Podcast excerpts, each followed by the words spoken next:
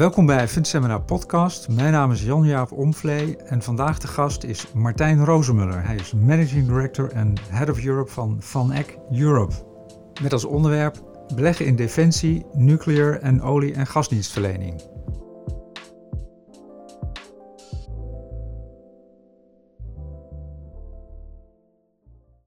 Welkom bij deze Fundseminar Podcast. Mijn naam is Jan-Jaap Omvlee en vandaag de gast Martijn Rozemuller. Wie kent hem niet? Managing Director en Head of Europe van Van Eck Europe.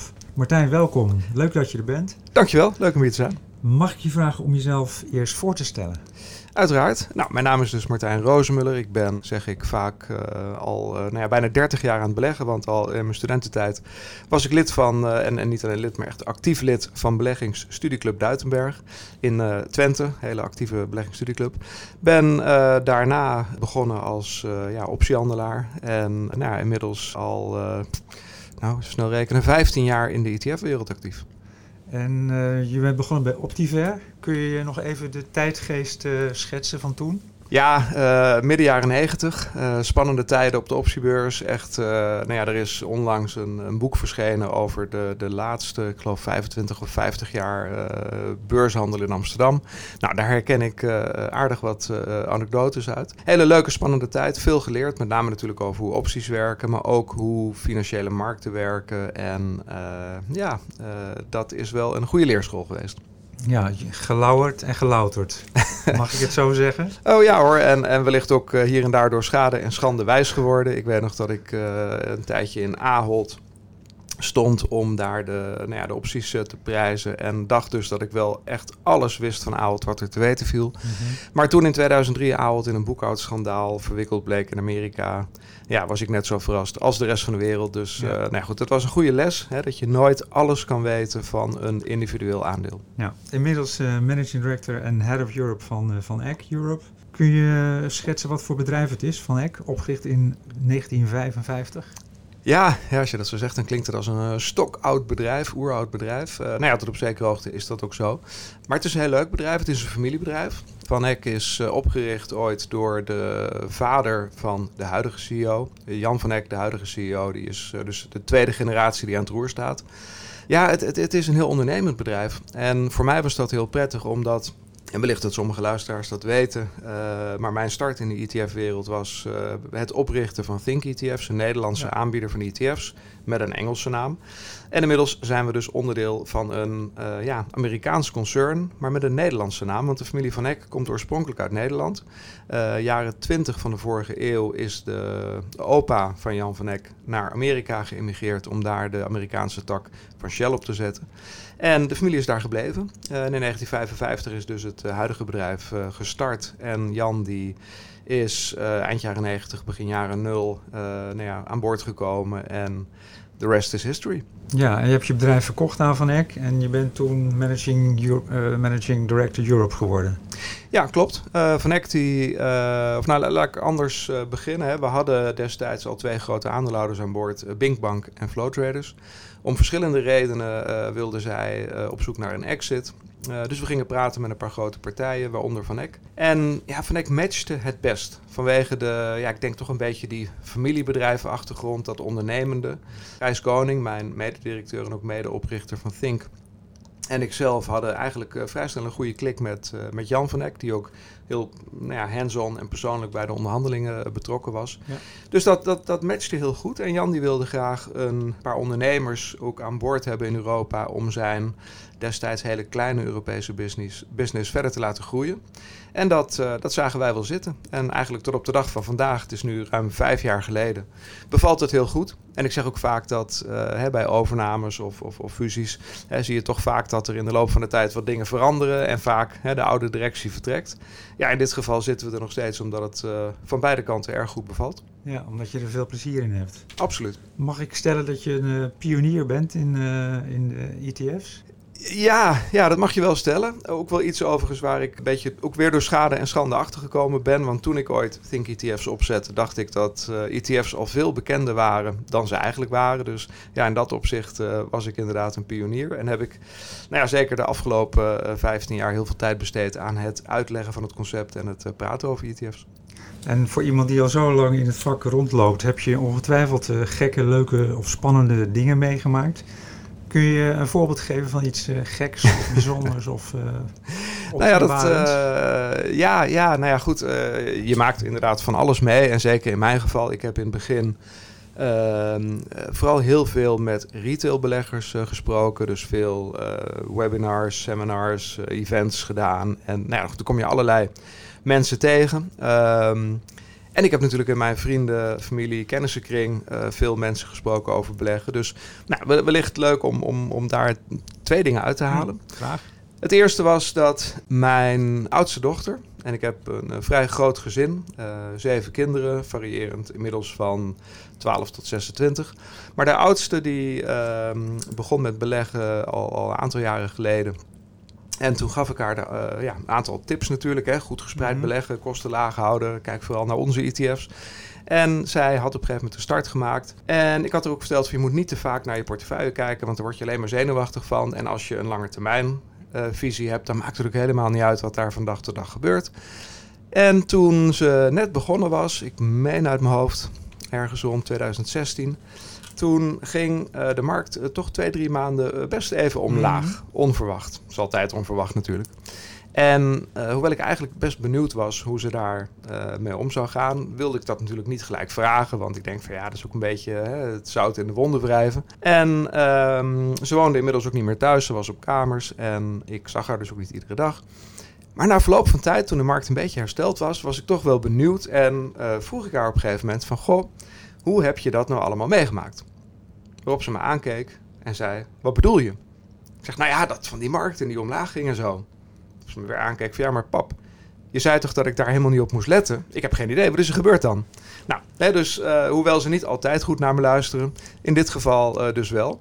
En dat vond ik een leuke uh, anekdote, omdat in diezelfde periode een oude studievriend van me, veel te laat, ook was begonnen met beleggen. En die had ik dezelfde adviezen gegeven. Maar die kwam inderdaad al vrij snel nadat de markt begon te dalen, kwam die in de lucht.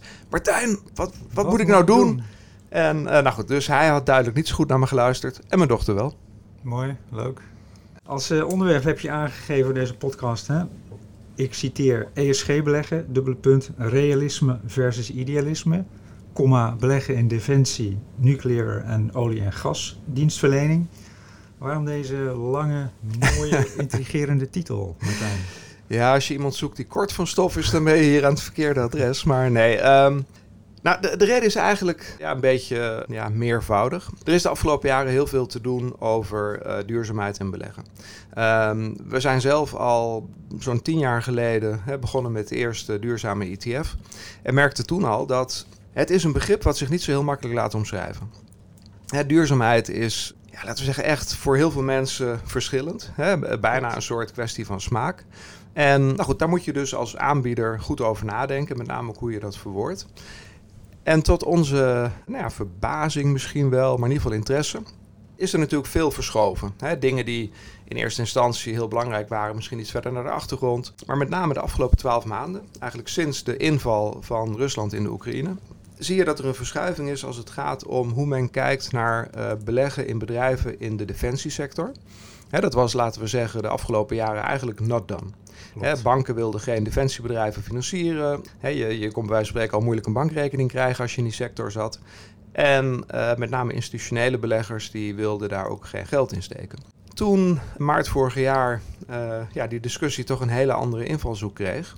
En nou, laten we zeggen, bepaalde overheden toch, uh, nou, laten we zeggen, financiële instellingen en pensioenfondsen langzaam nou ja, begonnen te bespelen. In de zin dat, hè, dat ze zeiden van nou misschien hè, moet je toch hier en daar wel uh, mm, zorgen dat ja. er financiering komt voor deze partijen. Want op het moment dat wij als Europese landen de Oekraïne van steun willen voorzien, ja, dan hebben we bepaald materieel nodig. En uh, nou goed, men kwam er al vrij snel achter hè, toen uh, Europa materieel ging toezeggen, dat niet al het materieel wat er was operationeel was. Dat er misschien ook wel iets minder materieel was dan ze gedacht hadden. En bijvoorbeeld munitie al vrij snel schaars werd.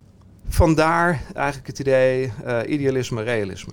in een ideale wereld heb je natuurlijk geen oorlog. Heb je ook geen wapens nodig, dus waarom zou je erin beleggen? dan, dan heb je hooguit uh, misschien de, de schurkenstaten waar ze terechtkomen. Nou, dat wil niemand. Maar de wereld is niet ideaal. En uh, er is dus denk ik de afgelopen maanden een soort realisme gekomen. Wat aangeeft dat nou ja, als je bepaalde spelregels in acht houdt, dat het eigenlijk onontkoombaar is om uh, in ieder geval de defensiesector toch voor een deel van funding te voorzien. En daar hoort dan dus ook uh, beleggen bij. Ja, en, en, wat is er nou anders aan beleggen in deze sectoren hè? qua kansen en risico's als je dat vergelijkt met andere sectoren? Nou ja, kijk, um, als we kijken naar wat er anders is, dan is dat met name natuurlijk de, ja, laten we zeggen, de zweem van ik doe iets verkeerd die daaromheen hangt. Hè, waarbij, uh, nou, er zijn natuurlijk een aantal criteria als je kijkt naar ESG, hè, waarvan eigenlijk iedereen het wel eens is van nou, dat zou je niet moeten doen. Hè. Denk aan corruptie, denk aan milieuschade, eventueel misschien tabak, uh, kinderarbeid. Maar er zijn ook een aantal criteria binnen het ESG-domein uh, die wat minder zwart-wit zijn. Denk aan alcohol aan de ene kant weten we dat te veel alcohol echt wel slecht voor je is. Maar er zijn ook genoeg mensen die wel van een goed glas wijn houden. En dus daar wat minder strikt in zijn. Voor defensie was het heel zwart-wit, maar is het dus nu opeens een stukje minder zwart-wit geworden. En uh, ja, dan, dan, kun je dus als belegger het gaan vergelijken met, nou ja, laten we zeggen, andere industriële sectoren in de maakindustrie. want uiteindelijk ja, uh, het zit heel dicht aan tegen, laten we zeggen, de auto-industrie. of uh, fijnmetaal, ja, exact. Um, dus ja, dan ga je toch met een iets minder emotionele bril en met een iets meer rationele bril naar dit soort bedrijven kijken. En wat je dan ziet, is dat er jarenlang in Europa eigenlijk te weinig geïnvesteerd is, te weinig uitgegeven is aan defensiematerieel. Dat de komende 5 à 10 jaar dat hoogstwaarschijnlijk ingehaald gaat worden. En dat er dus wel een case is voor beleggers om daar goed naar te kijken. Maar nogmaals, en daar ga je me misschien zo meteen nog een vraag over stellen, wel met een bepaalde bril die wel een bepaalde ESG-kleuring heeft. Dat moet je nader uitleggen, Martijn. Dat hoopte ik al. um, nou kijk, je, je kan namelijk, eh, als je gaat kijken naar de wapenindustrie, kan je best wel een onderscheid maken tussen goed en slecht, of um, slecht en slechter, of goed en minder goed. Hè. Het is, het is een, een, een, nuance die je aanbrengt. Maar um, er zijn een aantal onderwerpen die goed gedefinieerd zijn, waarvan wij in de westerse wereld zeggen dat zou je eigenlijk niet moeten doen. En dan heb ik het over clustermunitie, heb ik het over anti-personal landmines, heb ik over het gebruik van witte fosfor, um, depleted uranium. dus er zijn een aantal dingen waar je dus met een ESG-filter eh, rekening mee kan houden. Nou, toen wij begonnen na te denken over dit product, de Defense ETF, toen realiseerden we ons wel dat we niet dan zomaar alles zouden kunnen doen. Hè? Dus niet alleen maar, uh, nou ja, als een bedrijf wapens produceert, dan mogen ze dus in die index. Nee, die index die houdt rekening met een aantal van dit soort criteria. Dus dat betekent dat er een aantal bedrijven uitvallen. Ja, duidelijk. Hoe ga je dan om als aanbieder van zo'n uh, zo'n indexfonds uh, met maatschappelijke sentimenten onder beleggers of, of uit de media? Ja, uh, nou in eerste instantie ben je natuurlijk eh, op het moment dat je zo'n product aan het ontwikkelen bent, ben je heel gesloten. Hè? Want je wil eigenlijk, nou ja, toch wel bij ieder product altijd als eerste hè, ermee op de markt komen. Ja. Nou, dat is in dit geval ook gelukt. Maar je pelt in je familie- en vriendenkring natuurlijk wel een beetje hoe gaan mensen hierop reageren. En de geluiden waren natuurlijk een beetje divers. er zijn mensen die zeggen van ja, je moet dus realistisch zijn. Dus daar moet je gewoon ook voor een stuk in investeren. Maar er waren ook de idealisten die zeiden van ja, nee, maar je kan dat gewoon echt niet doen, want oorlog is per definitie slecht, wapens zijn slecht. Wat ik heel interessant vond, was dat nadat we met het product live gingen, kwam er uit diverse hoeken uh, vanuit de media-interesse. En um, ik weet nog dat in het productontwikkelingsproces had ik op een gegeven moment gezegd van nou ja, op het moment dat wij het product zo kunnen maken dat ik me comfortabel genoeg voel om tegenover een journalist uit te leggen waarom wij vinden dat dit product kan. Nou ja, als ik zo comfortabel ben, dan is het waarschijnlijk ook wel een goede setup. Maar goed, toen kwamen die journalisten en toen werd ik natuurlijk toch een heel klein beetje zenuwachtig. Want ik was best wel benieuwd hoe ze daar uh, mee om zouden gaan. Hè? Zouden we dan heel kritisch bevraagd worden en zouden ze op zoek gaan naar hè, de sensatie? Of zou het een veel realistischer verhaal zijn? En wat gebeurde er? Ja, gelukkig dat laatste. De, in Nederland, uh, er zijn diverse Europese uh, kranten die hierop ingesprongen zijn. In Nederland uh, heeft een groot artikel gestaan in het NRC. En dat was een heel gebalanceerd artikel. Hmm. Niet op zoek naar, naar de sensatie en hoe kijkt die stoute jongens van Van Eck is defensie-ETF's maken. Um, maar inderdaad gewoon heel gebalanceerd. Waarbij bijvoorbeeld ook een organisatie als Pax, vroeger Pax Christi, aan het woord kwam. En overigens hebben we later ook contact met ze eh, gehad. Of eigenlijk hebben zij contact met ons opgenomen. En bleek dat ook de manier waarop zij kijken. Je zou denken, een vredesorganisatie die is dus tegen de wapenindustrie. dat is niet per se waar. Hè. Zij zien ook wel dat je uh, vrede waarschijnlijk niet krijgt als bepaalde landen wel wapens hebben en andere landen niet. Dus ook dat bleek veel genuanceerder te liggen. En, en ik moet zeggen, daar was ik uh, blij verrast door dat het dat er dus een zekere mate van realisme was, zelfs bij de idealisten. En dat deze hele discussie dus heel rationeel gevoerd werd. Mooi. Als je kijkt naar defensie-aandelen, dan zijn die vaak uh, cyclisch en volatieler van aard. Hè. In tijden van oorlog uh, doen ze het goed, in tijden van vrede misschien wat minder. Is dat terug te zien in uh, de performance en de karakteristieken van jullie fonds? Enigszins wel. Het zal niemand verrassen dat na de inval in de Oekraïne uh, wapenproducent een stijging zagen in de beurskoersen.